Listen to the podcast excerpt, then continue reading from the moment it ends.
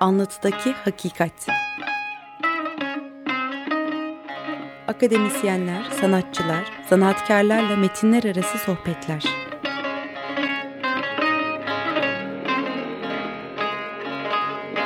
Hazırlayan ve sunan Ahmet Balat Coşkun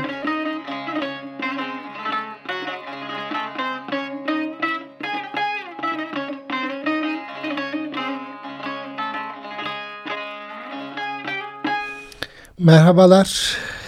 Bir cuma günü yine saat 11'de birlikteyiz. Anlatıdaki Hakikat programında ben Ahmet Balat Coşkun, Teknik Masada Selahattin. Şimdi bizi 12 Mart romanları ve travma konusunu Çimen Günay Erkol'la konuşacağız. Siz zaten Çimen'i de tanıyorsunuz. Ee, Çimen e, bizim müzik parçalarımızı yine kim seçmişti? Yağmur Arı'nın listesinden. O halde biz bugün konuştuğumuz konuyu geçen hafta Zeki Bey'in konuştuğu, Zeki Coşkun'un Mimar Sinan Üniversitesi'nde eğitim görevlisi olan Zeki Coşkun'la konuştuğumuz konuyla sanki böyle birkaç program devam edecek bir meselenin içindeyiz. Bunu biraz toparlar mısın? Evet, geçen programda Zeki Coşkun darbeli romanlar yazısından yola çıkarak Notos'ta yayınladığı bir yazıydı bu. 12 Mart'tan 12 Eylül'e darbeli roman ne demek bunu e, anlatmıştı. Biraz bunu tartışmıştınız. Ben e, canlı dinleyemedim ama sonra podcast'ten dinledim.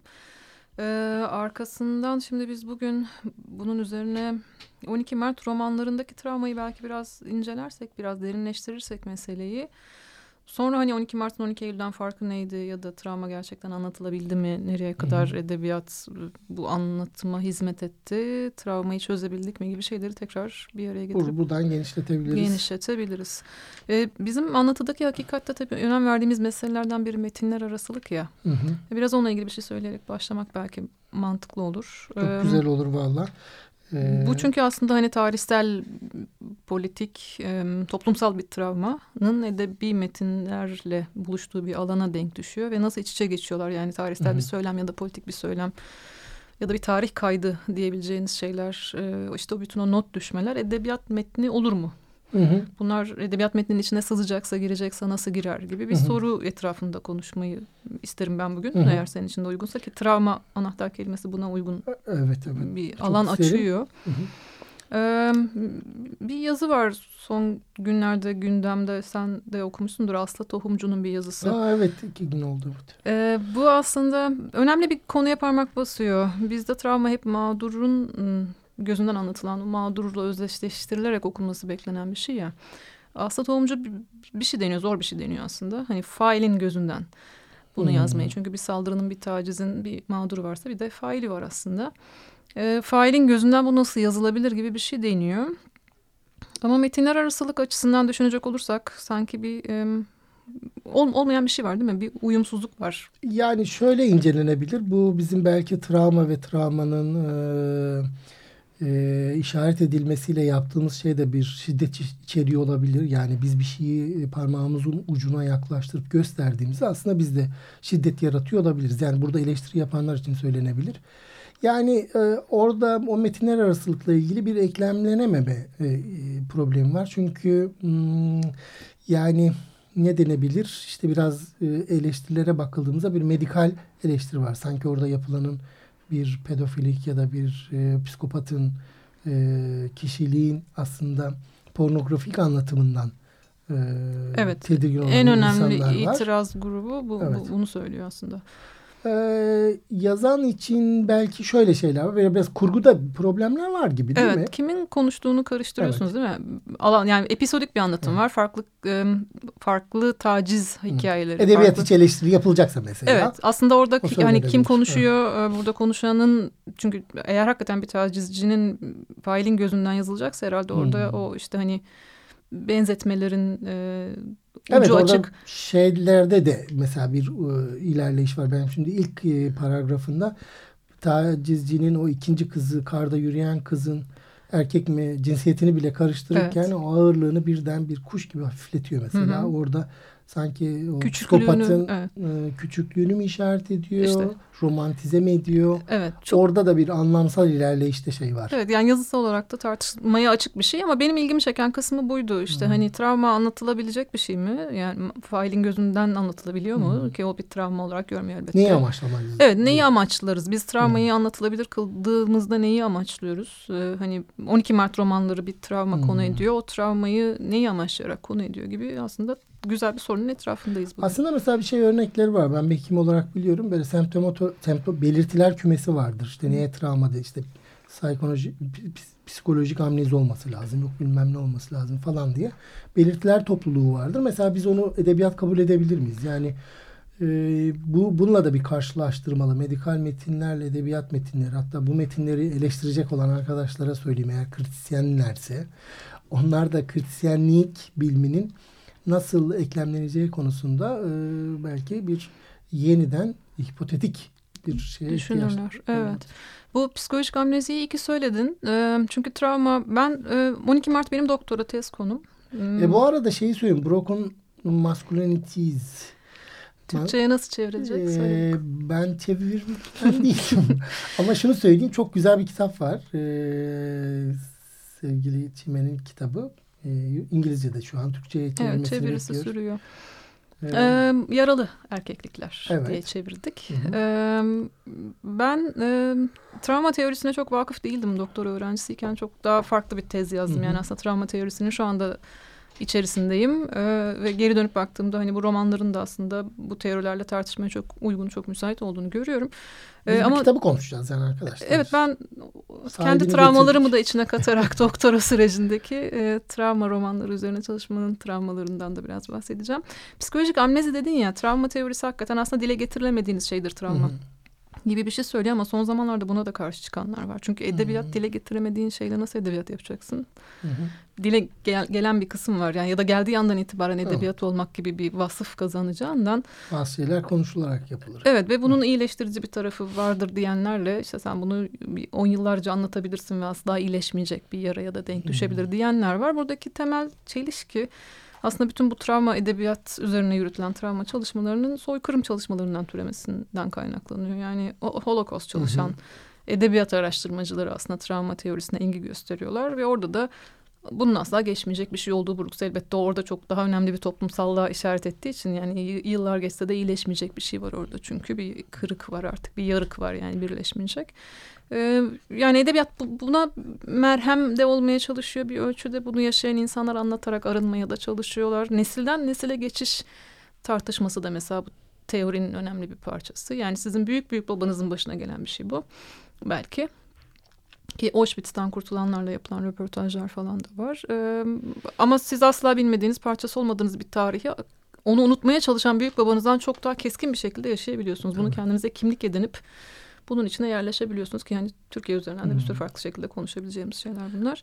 Evet travmanın aslında kuşaklar arası izini sürmenin de ya da kişisel ontolojik e, hani bir meraktan ya da e, sosyolojik bir travmatik değer hani ne bileyim işkence işte ne bileyim depremler atıyorum başka meseleler. Şimdi bütün bunların travmatik bir etkisi olup olmadığının izini sürmek de bir, bir şeyse de zaten insan trajedik olduğu için yani e, varoluşunda e, kendisi de zaten böyle bir travmatik bir e, oluşum içerisinde olduğunu söylersek bu travmayı biraz belki böyle sadece müdahale edilecek, yardım edilecek, üzerinde metin yazılacak bir meseleden daha çok böyle bir e, güzel bir şey gibi, kapital gibi düşünmek İnsan lazım. varoluşunun bir parçası Evet. olarak düşünmek diye öneriyorsun değil mi? Evet, doğru Evet. anladıysam. Çok doğru bir tartışma açıyor aslında bu. Bu yol Bu paralellikleri de Yani illa lazım illa bir hani yani. olay üzerinden konuşmak zorunda değiliz bu durumda. Çünkü hakikaten belli bir süre bu travma teorisyeni insanların hepsi bir olay olmuş. İşte sen de onun travmasını yaşıyorsun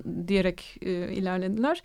Ama şimdi şimdi belli bir olay üzerinden düşünmek zorunda değiliz. Hani Hı. E, genişletilmiş hayatımızın içerisinde sinen bir sürü çeşitli ilişki içerisinde yaşıyoruz. Hı hı. Bu ilişkiler içerisinde kendimizi travmatize hissettiğimiz anlar olabilir ama işte bunlar şu anda artık o senin hani medikal tanımlarından hafifçe Hı. uzaklaşmaya başladılar. Çünkü bu bana amnezi yaratan ya da beni hani o medikal semptomlar anlamında bunları gösterdiğim belki hani uyku uyumakta zorlanıyorum Hı. ya da hani daha sinirliyim daha çekingenim ama hani tam olarak o semptomları gör, göstermiyorum amnezi gibi en azından. Yani. Ee, ama seyreltilmiş bir travma diyebileceğimiz belki bir şey çok günlük olarak yaşadığımızı. Yani bugün ben bir kadın olarak gece sokağa çıkacaksam da işte bu benim için travmatik. Ee, üstüme ne giydiğimle ilgili sabah bir şey yaşıyorsam bu travmatik. Bilmiyorum Amerikan toplumunda siyahsam bu travmatik olabiliyor. Böyle demek mi lazım? Hı. Yani zaten şöyle bir kere hani travmanın anlatılamıyor olmasını zaten travmayı yaşayanın bir görevi gibi sanki travmayı travmayı yaşayanın yazması ya da konuşması gerekiyormuş gibi biz düşünüyoruz ya. Aslında kendimize travmatik travmatize olabilme ihtimalini e, yüklediğimizde biraz nevrotik de görüyoruz. Hı hı. Yani bir şey giyersem işte bana bakar sokakta beni döverler. Dolayısıyla bir erkek gelsin birlikte yürüsün. Bütün hı. bunlar da aslında aşağılayan şeyler.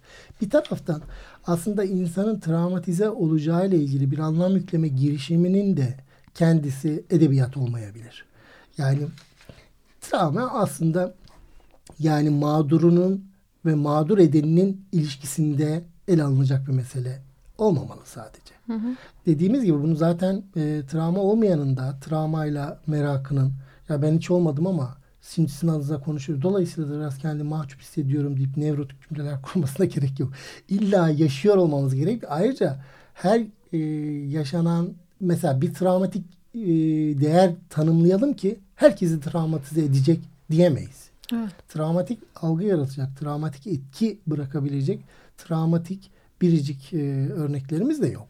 Yani ölüm tabii. belki işte hani hani hepimiz ölüm. Ama işte bunlar ölüm. ontolojik, bunlar evet. insan varoluşu ve insanın trajedisi. O yaşam işte o zaman travmatik oluyor. sonu ölüm, lazım. sonu ölüm olduğu için. Şimdi Burada ben bizim esas şeyimiz böyle e, şeylerin birinden birini, diğerinden ötekini öncelemek, üzerine yapılacak şeylerden daha çok bunu en erotik hale getirmek. Yani erostan kastım şu en ilgi çekici, en yaşamsal olan, en yaşamı devam ettirecek, en umut verici bir hale getirecek metinler ancak metinler arasılığın iyi aynen diz kapağı eklemi gibi iyi eklemlenmesi lazım. Bizim onu ortadan ikiye bölmek birinden birine şu travmatik bu değil ben travmatik konuştum o değilden daha çok o eklemin kendisini e, güzel metaforlarla betimleme işi bence. Evet. Onu yaptığımızda aslında e, bir kasap gibi ya da bir cerrah gibi eklem koparıcı, yapı işte bozum tezgahları. Bunlar güzel belki cümleler ama gerekiyor mu emin değilim. Yani analitik olmak bu da değil zaten. Evet.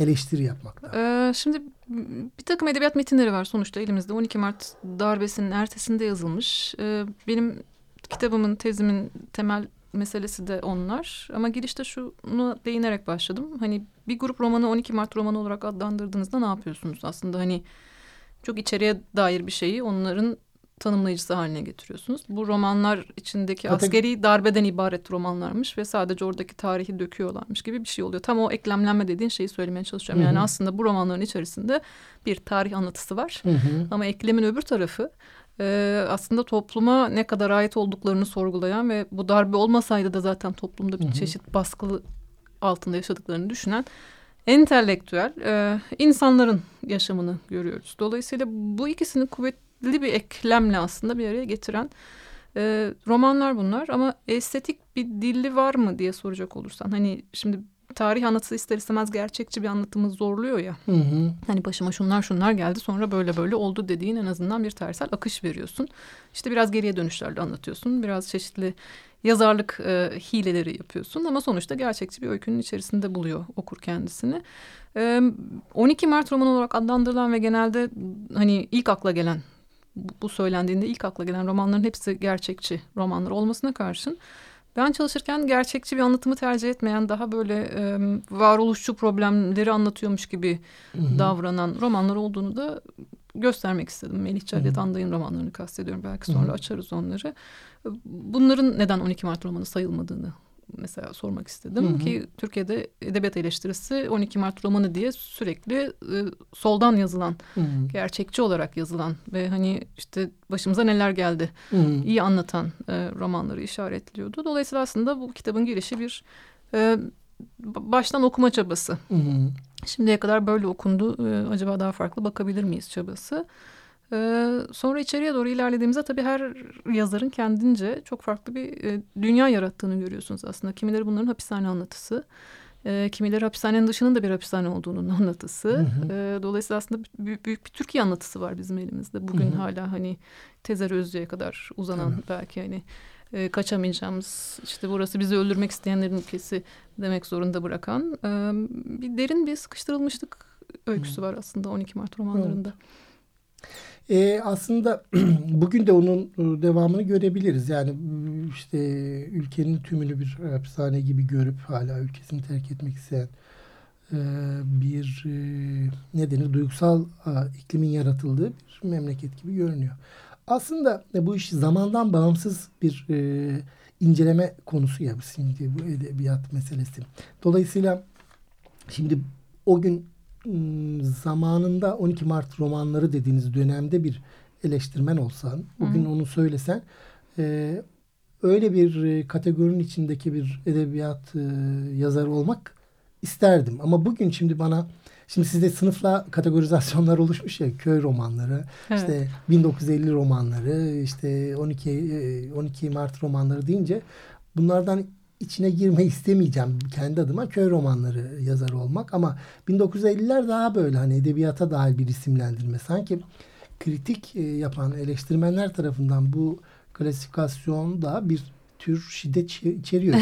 bir isimlendirme başlı başına bir şiddet Ama o da zamanla il- ilgili bir şey ya. Hani sonuçta bu orada da bir metinler arası mesele var. Şimdi eee 12 Mart romanları yazanların aslında 1950'lerde de atılmış eee, bir şeyi olduğu ne denir temeli olduğunu sen söylüyorsun. Onunla belki ilişkilendirebilirsin. Ya 50'ler 60'lar sonuçta evet yazan insanlar, e, düşünen insanlar bu- bunlar ama hmm, ya şu beni rahatsız ediyor. Adalet Ağaoğlu'nun da bir itirazı var kendi romanı Ölmeye Yatmak 12 Mart romanı e, sayılmasın diye bir konuşmasında hani niye böyle yaftalanıyor romanlar diyor ama ben bakışı tersine çevirmekten yanayım. Yani yaftalayanların niye yaftaladığını önce bir konuşalım. Yani 12 Mart romanların estetik olarak daha az değerli romanlar olduğu yargısına nasıl vardığımızı bir konuşalım. O estetik değer az göründüğü için e, Adalet Ağaoğlu kurtarmaya çalışıyor. Benim romanımın estetik değeri var Peki sen direkt gir o zaman demeye Yaftalayanlar niye yaftalıyor? Yani mesela içeride olan içeriği tam anlatamamış mı? Ya da sakladığı bir şey mi? O tanımladığı erkek Senin eklem benzetmenden ilerleyecek olursak bu romanlar tarihe not düşme çabasındalar. Hı. Ee, ve arada Fethi Naci şey der. e, arada o mesafe yok. Estetiğin oluşması için gerekli mesafe yok. Olay olmuş hemen yazıyor. Hı hı. Bir soğumamış o olay daha Hmm. olayların ha, hali hazırda içinde. Dolayısıyla o duygu olgunlaşmamış içindeki şeyi olduğu gibi döküyor. Bir iç dökme romanı, bir işte hani günah çıkarma romanı. Zaten Hmm. işkencenin ve işkencecinin romanıdır gibi lafları da var Hmm. Fethi Naci'nin. Ee, öyle de güzel şeyleri. öyle değil ama tam olarak hani işkence burada Hmm. temel bir mesele ama hani işkencenin en iyi anlatıldığı romanlardan biri olan Erdal Öz'ün Yaralısı'nın da e, kahraman işkenceden sonra hapishanede e, suçluların olduğu bir koğuşta da bir ötekileşme içerisinde buluyor Bu şey, kendisini. siyasi suçlu olmayanların arasında. Evet siyasi bir suçlu olarak işkenceden sonra hapse gönderiliyor. Etrafında hırsızlar, işte tefeciler, Adi bir sürü insanlar var. suçlar. Adi suçlar diye Hı. adlandırılan hukuki terimine Evet, böyle söylenen insanların şey arasında e, ayrı bir kavganın içinde buluyor kendisini. Dolayısıyla mesele Hmm. sadece e, asker sivil değil, mesele sadece senin işkence görmen değil, mesele senin anlaşılamıyor olman ama oradaki tartışma sadece bir e, hani Türk toplumu ve aydın arasındaki anlaşılamama da değil. Çünkü çok kuvvetli bir erkeklik tartışması dönüyor. Tam hapishanede. narsistik zedelenme. Düşünsene koca siyaset açısından bilmem ne hani önder Çok olacak. vurucu değil mi Ahmet ya? Uğruna savaştığın insanlar hani bir yandan da kurtarmaya çalıştığın insanlar ve bir dilim ekmek kavgası yapıyorsun. umurlarında Düştüğünüz değilsin. Evet ve o hani hem varoluş, varoluşsal bir meseleye Evet dönüşüyor. ama işte şey de böyle tanımlanan o bir mit yaratma yani ser verip sır vermeyen hani e, bir e, devrimci tipi ne ihtiyaç da duyuluyor ya. Yani hafif ağzın biraz konuştum biraz konuşmadım azıcık e, direndim birazcık direnemediğim tipi pek yakışmıyor. İşte- ona insana dair de bulmuyoruz. biz. Evet Murat Belge'nin de o konuda Erkeklik. itirazları Evet. var. Evet em, ama Bunlar işte biraz- şimdi bunlar çok güzel çakışmalar değil mi? Yani bir grup eleştirmen diyor ki bu olayların gerçekliğini anlatma derdindeki romanlardı bunlar. O estetik derinliği sırf bu yüzden. Hı. Gerçekçiliğe duydukları işte bu sadık sadık olma kaygısı nedeniyle yitiriyorlar. Gerçeklik dediğin ne burada? İşte senin kahraman devrimci imajın çünkü olmasını beklediğimiz ha, gerçeklik. Olmasını bekledik. Yani. Evet, yani ona, ona uygun. var. İşte hani bunu sezdiren yazarlar. E... Ama biz romanlarda hiç böyle e, çok içeride ser ver, sır vermiş devrimci tipini çok şey yapmamışlar değil mi? Böyle çok ortaya koyalım istedim. Daha sonra saklamışlar, kıymetli. Biraz da belki 12 Eylül'ün etkisiyle artık hani daha fazla dağıldıktan sonra konu ediliyor edilmemiş hmm. şeyler değil. Yani grupların kendi içerisindeki ayrışmaları hmm. ya da hani hmm. bir sürü şey yaşandıktan sonra eski hayata geri dönememeler, döndüğünde insanları eskisi gibi bulamamalar. Bunlar hani edebiyatın meselesi haline gelmiş uzun süre hmm. tartışılmış şeylere dönüşmüşler. Ama temel çelişki işte şu olmaya devam ediyor. 12 Mart'ta da 12 Eylül'de de belki hani Zeki Bey'le eğer tekrar bir araya gelme geleceğiz, fırsatımız olur da bunu devam ettirirsek. E, mesela 12 Mart'ın estetiği 12 Eylül'ün estetiğinden niye farklı? O romanlardaki estetikten bahsedeceksek. E, Zeki Bey programında sizin beraber yaptığınız geçen haftaki programda çok güzel bir şey söyledi. Artık hani 12 Mart'ta hala bir umut var korunması gereken bir imaj var, bir şey vardı. Hı. 12 Eylül'de o yok artık Hı. gibi bir bakış açısı var. Bu, bu, bu hani insanların çok çıkışsız hissettikleri bir anmış gibi yapıyor evet. aslında 12 Eylül'ü ama ben işte geriye dönüp baktığımda 12 Mart'ta da yenilmişlik duygusu çok hakim romanlarda. Hani zaten böyle bir takım şeyler içinden çekip işte 12 Mart işkencenin romanıdır, 12 Mart yenilgenin romanıdır falan diye kestirip attığınızda arkada bu iddianızı değilleyen bir sürü küçük küçük şey var ve onları görmezden gelmiş oluyorsunuz. Geri dönüp hmm. bakarsanız bu romanların sonu açıklıkla bitiyor. Yani Erdal Öz'ün karakterini alın. E, hani o isimlendirme çabası vardır. Etrafındakilerin hmm. ismi de kendisiyle aynıdır. E, ama nasıl bitiyor? Olumlu mu bitiyor? Hani umutlu mu bitiyor? En azından çok umutsuz bitmiyor. Belirsiz bir gelecekle bitiyor. Sevgi Soysal'ın Şafağı da öyledir. Adana sokaklarında bir kadın dolaşır. E, ama hani kendisinin nasıl bir geleceğin beklediğini bilmiyordur. Artık şafak vakti değildi o daha. O da zaten sürgünde orada. Evet diye Hı. biter. Yani insanlara hala sanki bir umut taşıma çabası içerisinde romanlar bunlar. Ee, ama biz hani o dönemin koşulları içinden düşünüp belki karamsar taraflarını işkenceyle ilgili motifleri öne çıkartma içinde Oluyoruz, düşünüyoruz. Evet. evet. Bir müzik arası verelim diyorum ne dersin? Olur. Gene e, Yağmur Arı. Çok teşekkür ediyoruz onun playlistinden. Her şey seninle güzel. Cem Adrian söylüyor. Dinliyoruz efendim.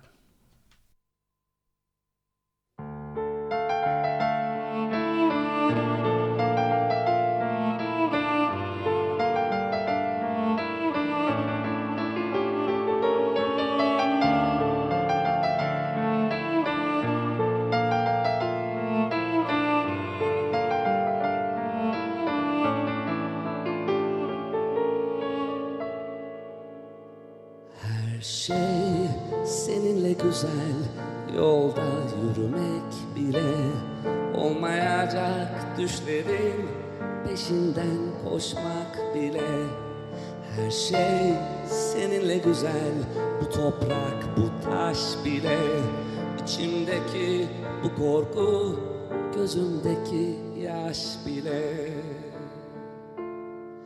Beklenmedik bir anda ayrılık gelip çatsa seninle paylaştığım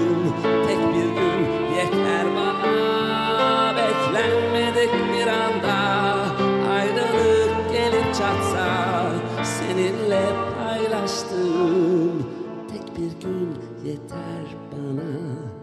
Her şey seninle güzel. Duyduğum bu ses bile yalnız içtiğim su değil aldığım nefes bile. Her şey seninle güzel. Bu yağmur bu kar bile. Yüzümdeki gözyaşının izleri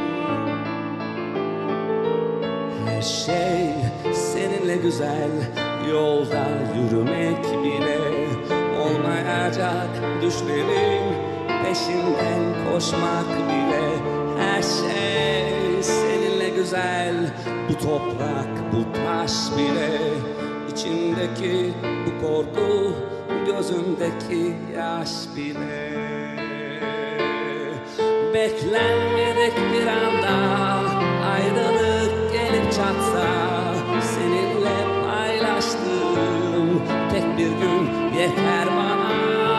Beklenmedik bir anda ayrılık gelip çatsa Seninle paylaştığım tek bir gün yeter bana.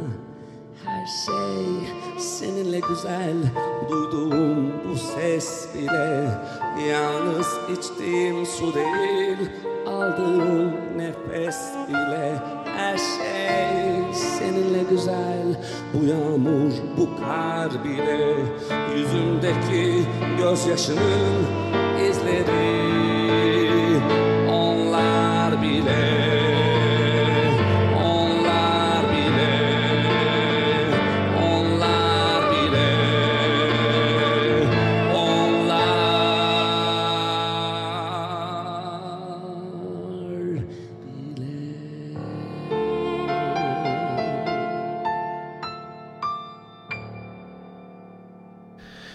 Tekrar merhaba. Yakıcı bir İstanbul soğuğunda size kitaplar üzerine, edebiyat üzerine içinizi ısıtacak. Umarım öyledir. Edebiyat eleştirisi e, programı ilerliyor. 94.9 Açık Radyo'da Anlatıdaki Hakikat programında. Efendim Çimen, sen nasıl ilerleyeceksin? Ee, Zeki Coşkun'la yaptığınız programda konuşulanlar üzerine bir şeyler söyleyerek ilerleyebiliriz diye Hı. düşünüyorum. Ee, bir, güzel bir tanımı var Zeki Bey'in orada devletli roman diye. Bu Notos'taki yazısında da bu şekilde geçiyor. Ee, 12 Mart romanlarında da e, şöyle bir şey ayrışamama hali tespit ettiğini söylüyor. Ee, 12 Mart romanlarında travmatize karakterler var. Bunların başına bir şeyler gelmiş. Hı. tutuklanmışlar, gözaltına alınmışlar, işkenceye girmişler, işkenceden geçmişler. Bir şeyler yaşamışlar. Ama Zeki Bey diyor ki hani bana bu bunu yapan budur. Ee, işte bana bunu şu kişi yaptı, bu insanlar yaptı, başıma bunlar bu nedenle geldi kısmı bir açıklıkla bir netlikle karşımıza çıkmıyor. Yani faili yok. Buradaki travmanın failinin ete kemiğe bürünmüş bir karakter olarak görünmediğini romanlarda söylüyor. Şimdi düşünecek olsak hakikaten öyle. Yani ilk ilk 12 Mart romanı diyebileceğiniz şeyler işte Çetin Altan'ın büyük gözaltısı. Niye gözaltına alındığını bile bilmeyen bir karakterin birdenbire e, küçük bir hücrede e, işte bir cinayet işledim herhalde ben deyip sayıp. fail burada devlet. Ha, Bunu işte biliyoruz. ama Ha. bu şey sisler içerisinde bu da. Tutuluyor da işte baskıyı mı gösteriyor? Zeki Bey'in söylemeye çalıştığı aslında hani sonuçta 12 Mart'ın öncesinde bir de 9 Mart var. Orduyla beraber e, devrim yapmak bir idealdi e, bir zamanlar bir takım insanlar için. Dolayısıyla sanki e, konuşmada da bunu zaten üstünü bu şekilde çizdi. Yani kendilerinin de ele geçirmeye çalıştığı bir güç bu. Yani bir yandan mücadele ettikleri bir güç ama bir yandan da Yapmak istedikleri şeyi ellerine elde et- Evet yani aslında seni şey. döven babayı sevmen, seni döven baba gibi Hmm. güçlü olmayı arzulaman falan gibi belki bir metafora çevirirsek daha anlaşılır olabilir. Onu ona benzemek istiyorsun. Onunla mücadele daha iyi edebilmek için bile ona benzemek istiyorsun aslında. Yani dolayısıyla Hmm. karmaşık bir ikilem içerisinde burada. Ee, Erdal Öz'ün e, romanı benim için bunları düşünürken bayağı yol açıcı oldu. Çünkü burada e, ya işken, işkence bir kere çok hani açık bir şekilde anlatılıyor. En, enteresan bir şekilde Türk Edebiyatı'nda pek görmediğimiz örneklerden biri Erdal Öz'ün romanı. Detaylar var. Detaylar var Ee, ama benim için ilgi çekici olan romanın ikinci kısmıydı yani işkenceden sonrası. Dolayısıyla şimdi hani işkence oldu, travma gerçekleşti. Hani post travma mı diyeceğiz, travma ertesi mi diyeceğiz? Travmanın Olabilir. ertesi. Hani Evet. nasıl mücadele ediyor, ne yapıyor mesela? Nasıl başa ha, çıkıyor? yazıyor mu, ne yapıyor, Hı. anlatıyor mu? Ee, anlatmıyor, kon- konuşmuyor. Zaten ama karakter işkencede de konuşmuyor. Hı hı. Ee, bu da zaten 12 Mart romanları üzerine olan tartışmanın önemli bir parçası haline geldi. Çünkü Murat Belge'nin itirazları var. Hani gerçekliği anlattıkları iddiasındalar ama gerçeklik bu değil. Bir yandan e, bir yandan da bu aslında bize e, kahramanlık hikayeleri sunan işte menkıbelere dönüşüyor. Zeki Bey böyle şeylerden de bahsetti ya. Yani aslında kahramanlık diline bulamaktan asla vazgeçemediğimiz bir tarafı var Hı hı. darbe romanları söz konusu olduğunda bunu özellikle görebiliyoruz. Kahramanlaştırma eğilimi var. Ee, Oradaki erkeği lafını kesiyorum da unutma. Yine e, devam et. Mesela orada içeride de konuşmayan, dışarıda da konuşmayan erkeklik tipini nasıl bir erkekleştirme çabası içimizden çıkıyor? Hmm, Bu herhalde bir direnç hikayesi işte. Yani dayanıklılık hikayesi ama çok güçlü, çok e, hani vurdum kırdım ya da fiziksel olarak çok güçlü bir erkek karakter olarak çizilmiyor. Kaldı ki zaten ikinci yarısında romanın böyle olmadığını açıkça görüyorsunuz. Çünkü alelade tanımla işte cool ya da ağır abi anas konuşan adam daha doğrusu. az konuşan adam Yani biz onu şöyle diyoruz. Bu az konuşuyorsa içeride hiç konuşmamıştır. diyoruz. Dolayısıyla aslında bizim kahraman tipimizde biraz böyle bir tür neye mistik bir gizemli hale bir bürünüyor. Peki bu erkeklik tipi devleti karşısına alacak da biri mi? Ee, Ya da Yani kadını tamamen- erotize edebilir mesela. soru şöyle bir şey mi? Yani tamamen iktidar karşıtı olmak anlamında mı? Evet. Mesela iktidara hiç talip olmamak. Hmm, bilmiyorum. yıkıcı- Zor bir yerden soruyorsun şimdi. kurtarıcı olabilir miyim yani? Olabilirsin. Niye olmayasın? Az konuşuyorsam. Yani eğer iktidar, şimdi iktidar nasıl bir şey? İktidar bizim kafamızdaki her zaman vurucu kırıcı haliyle mi olmak zorunda? Bir de hani böyle Foucault diyen konuşacaksak kılcal damarlardan yürüyen iktidarlar var ya.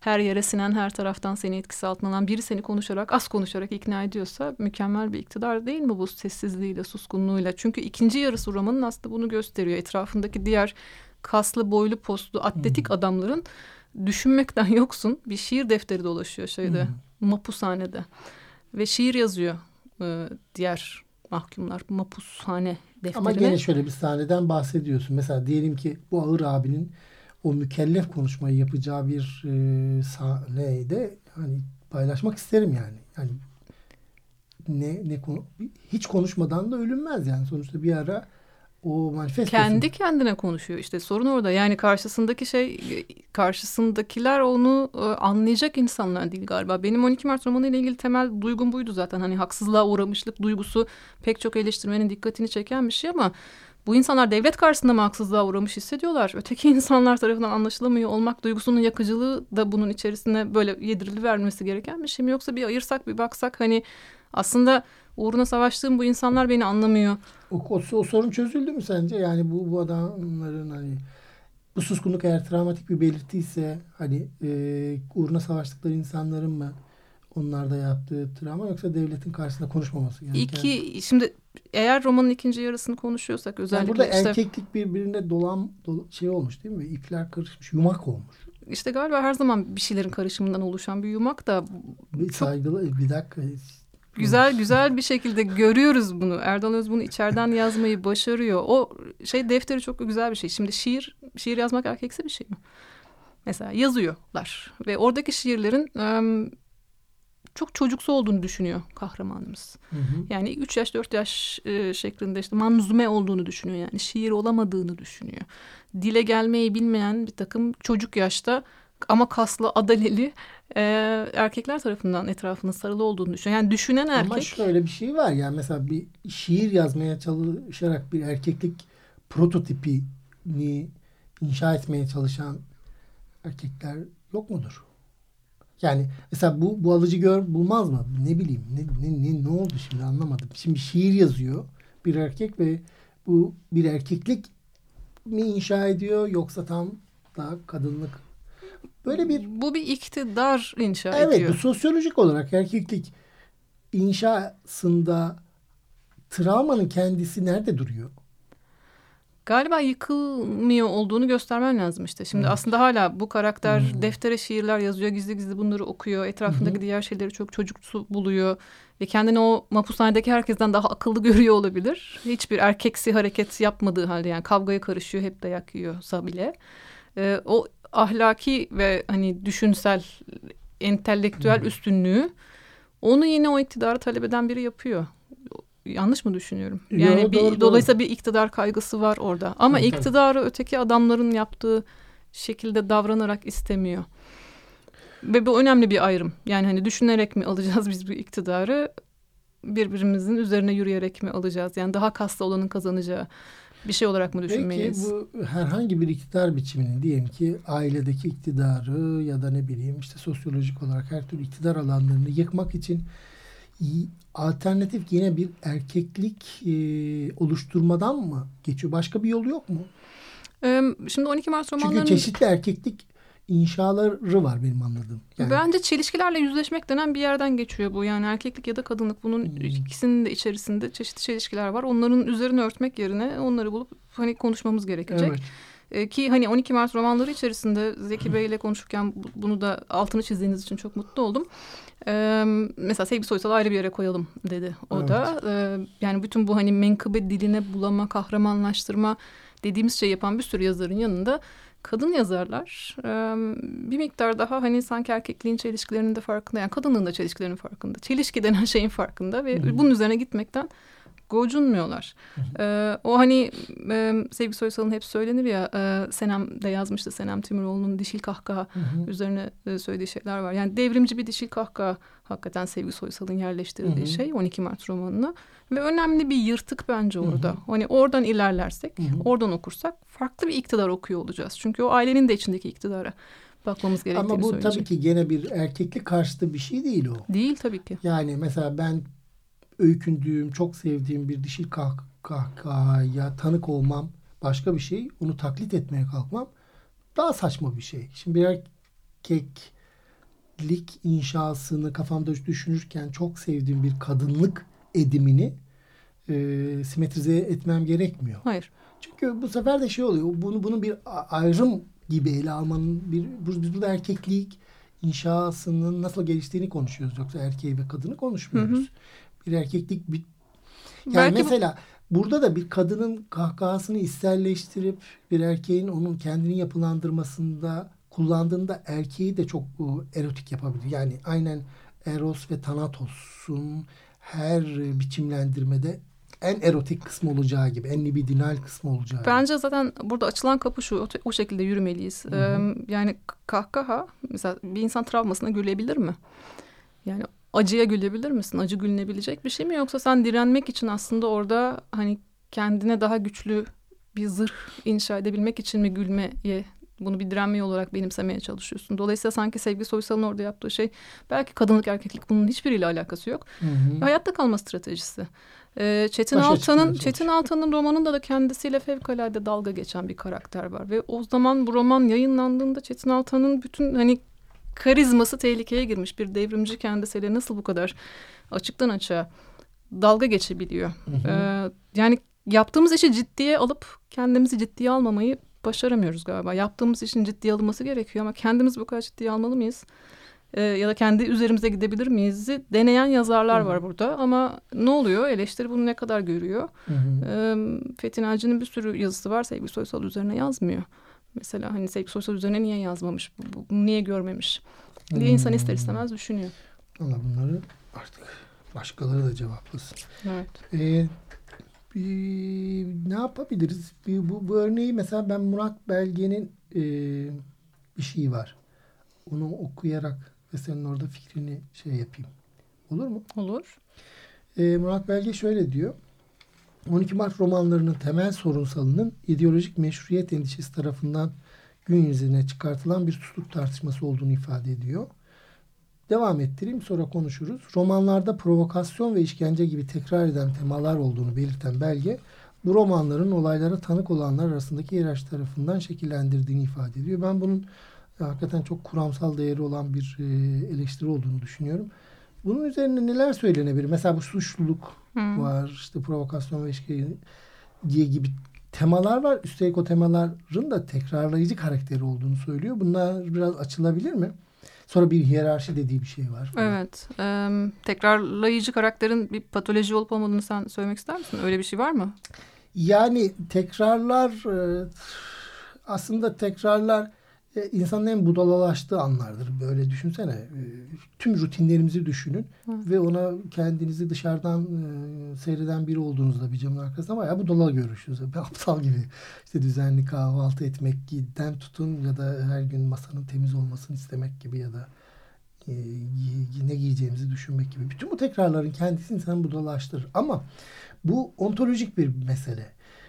Bir e, karakteristik şeylerin tekrar ettiğini mesela provokasyon şu provokatör müsün ajan mısın bunlar o zaman çok konuşulurdu yani bir miktar o devrimci tipine işte genellikle erkek ya da kadın tipine uymadığında onun e, ajan olma ihtimali işte MİT ajanı mısın kardeş gibi. İkincisi işkencenin kendisiyle nasıl bir ilişki kurduğunu. İçeride misin dışarıda mısın aslında söylüyor. İşkenceye maruz e, olmamak neredeyse ayıp sayılırdı bir dönem. Hani ben de bir girdim diyesin oluyor şimdi ortamda herkes girmiş sen girmeyince de şey olmuş oluyor. Bu tekrar eden şeylerin aslında suçluluk yarattığını söylüyor. Ben bunu çok önemli buluyorum çünkü suçluluk aslında majör depresyon gelen bir tanı konacaksa onun 9 tane belirtisi vardır. Dördü majör minör diye.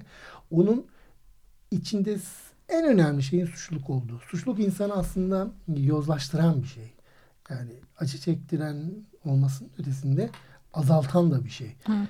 Ee, edebiyatta nasıl görüyoruz? Edebiyatta ilerleyen temaların kendini tekrar ettiğini düşünürsek aslında psikanalizdeki karşılığı şu. Çözülememiş bir problem olduğunu bize işaret eder. Yani onun yeniden inşa ediyor. Çözülememiş problemler kendini yeniden inşa etme e, karakterindedir. Hı hı. Çünkü ben kendimi yeniden inşa edersem biraz daha bu işi konuşursam aslında çözerim ve onun ağırlığı, ağırlığını üzerimden atmış olurum diyor. E, sen ne dersin? Bir de şu hiyerarşi diyor. Mesela romanlara tanık olanlar arasında hiyerarşi tarafından.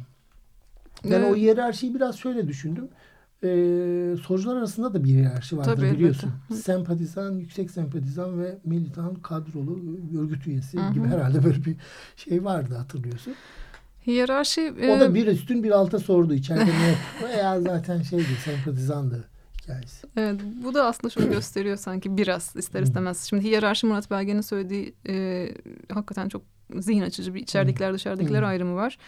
Ee, bir yandan da 12 Mart romanı dışarının da aslında içerisi olduğunu söylemeye çalışıyor bence. Onu onu da hani şimdi daha net görebiliyorum. Yazarken Ama bile bu, bu daha böyle nedir? Çocuksu bir eleştiri ya dışarıda. Aslında hepimiz Ha tabii evet. Yani gerçekten hani işkenceye kalan bir işkenceye maruz kalan bir insanın karşısında söylediğinizde Eyvallah. ne ifade edecek tabii ki bir fikrim yok ama um, sonra söylemek Evet bu hani dışarıda olduğumuzda da zaten sorunu çözemiyoruz demenin bir yolu olarak belki. Hmm. Makul bir şey mi bilmiyorum.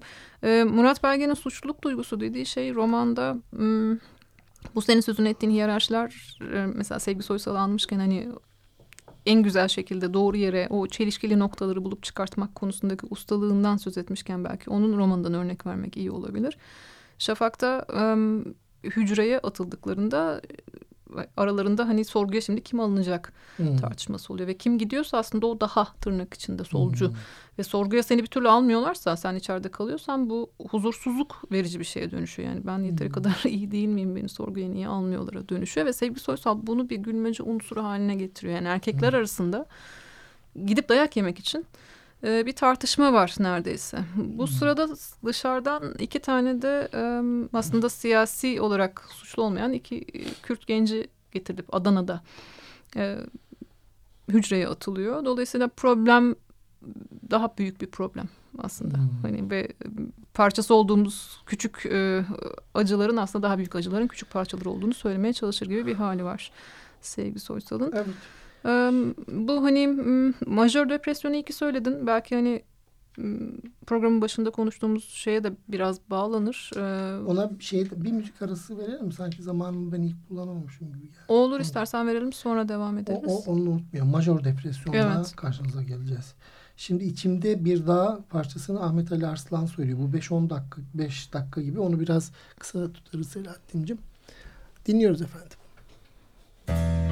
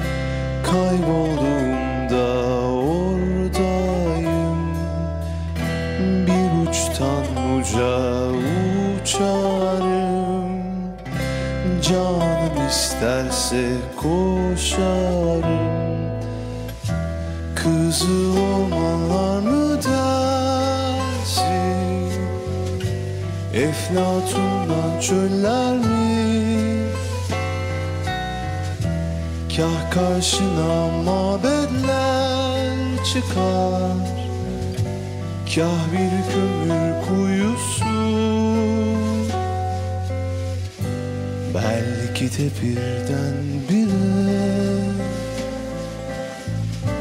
Karşına ben çıkarım. Tanışırsan haber ver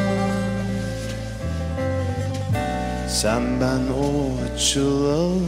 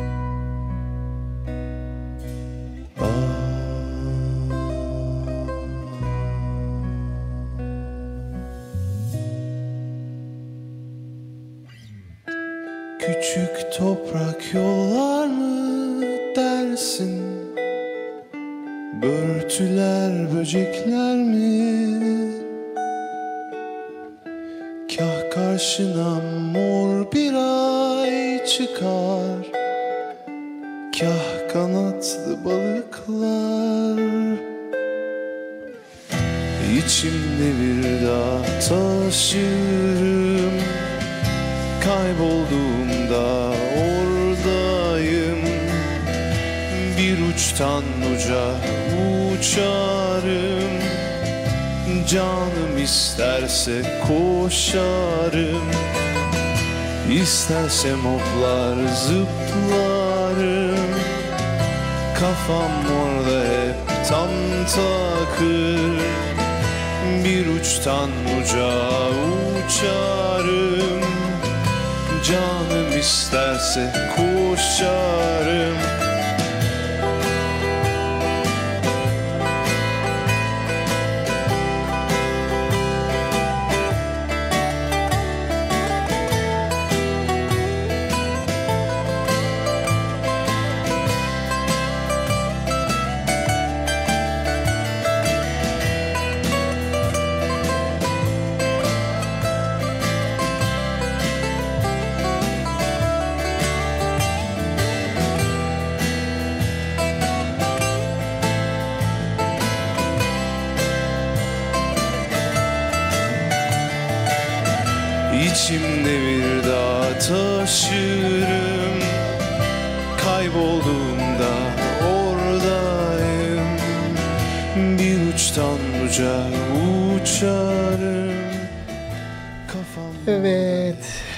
94.9 Açık Radyo'da Anlatı Dakikat programının da e, artık sonlarına geliyoruz.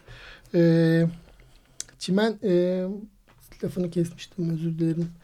Şu Majör depresyon. depresyon Ha. diyorduk değil mi? Evet. em, çok güzel bir şey söyledin. Patolojilerin arka arkaya sıralanması edebiyat yapıyor mu diye e, sabah. E, Ben de şimdi onu düşünüyordum 12 Mart romanları üzerinden tekrar tekrar. Yani buradaki e, insanlar e, bir kısmı çok e, öz yaşam öyküsel hikayelerle aslında bu romanları yazıyorlar. Yani başlarına da bir takım şeyler gelmiş. Sadece dışarıdan gözlemci karakterler değiller elbette. Yani böyle böyle bir tarz da var. Travmayı yazmanın çok dışarıdan dışarılıklı yazma şansın da var.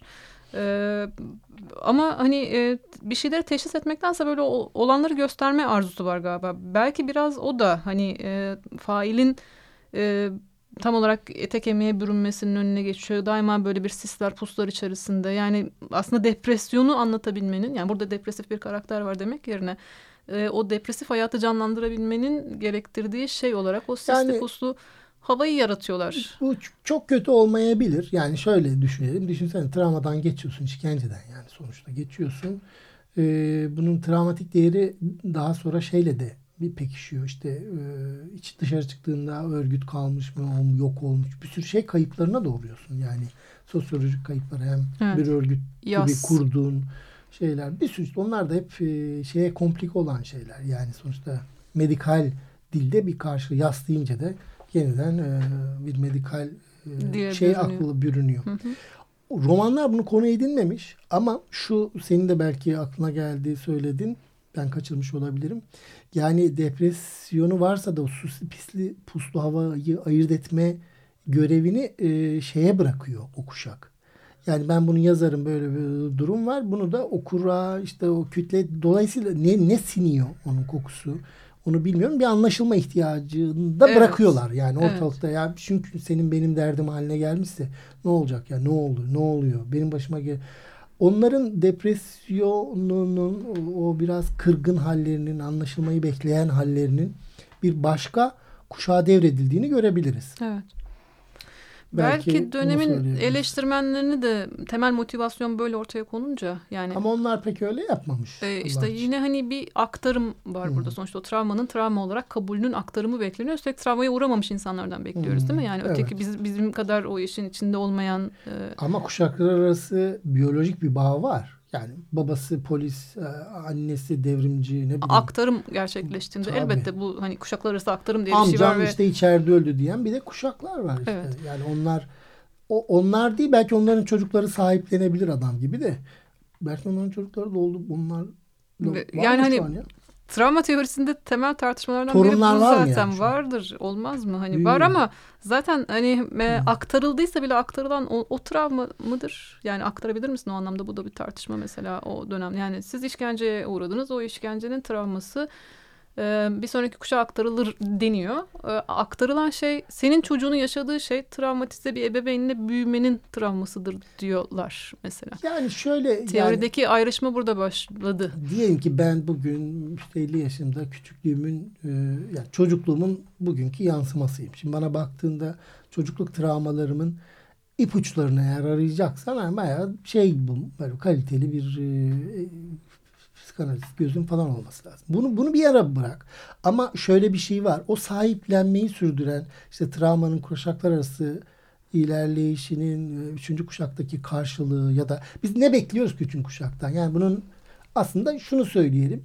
Eğer oraya yakınsan yani sen zamanın nerede durduğuna bağlı biraz sahiplenmesini istiyorsun. Öğrenmesini istiyoruz. Yaşamadığı. Bir sahiplenmesini ha işte- istiyoruz. Aslında bunu bırak travmayı ben psikiyatristim oğlum da olsun falan da deriz. Bunda bir şey yok ki. Yani sonuçta insanların çocuklarına yükledikleri e, misyonlar içindeki sosyolojik pozisyonların aslında e, o ebeveynlere e, şey yaptığı bir şey. Yani e, sosyolojik bir şeydi aynı zamanda sadece. Yani işte bakkal olan bakkalımı devam ettir der yani. Evet.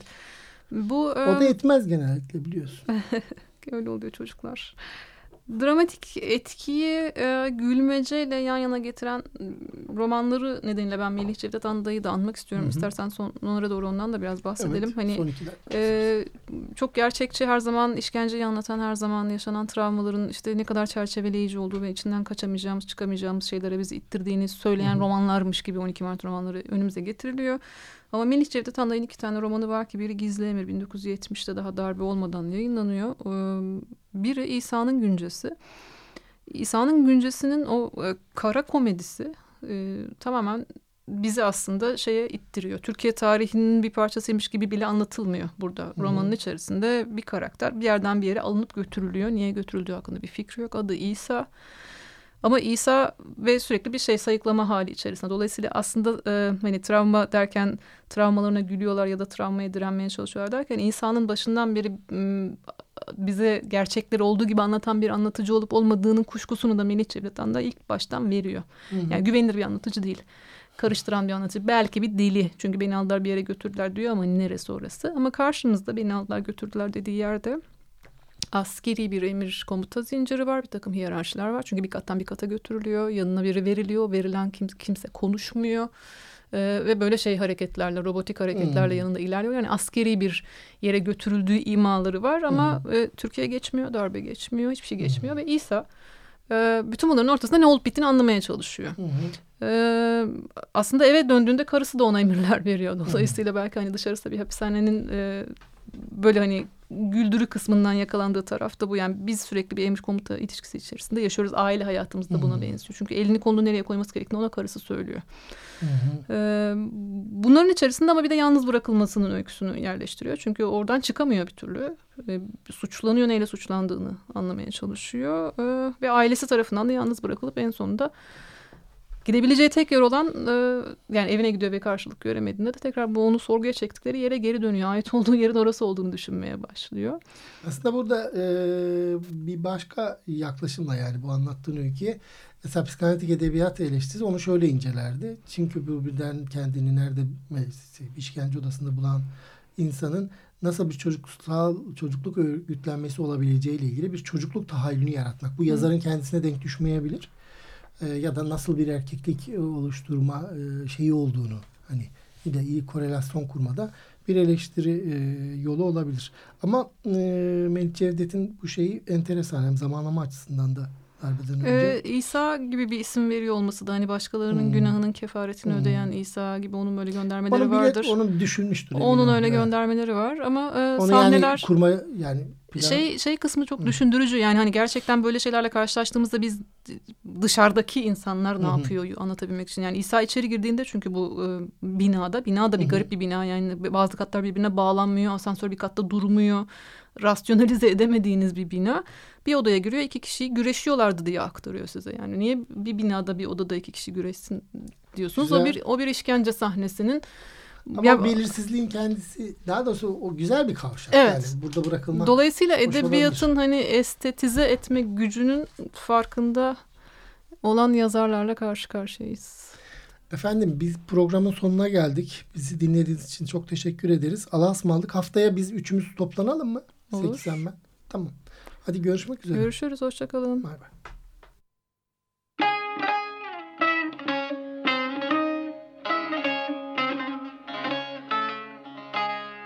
Anlatıdaki Hakikat Akademisyenler, sanatçılar, sanatkarlarla metinler arası sohbetler.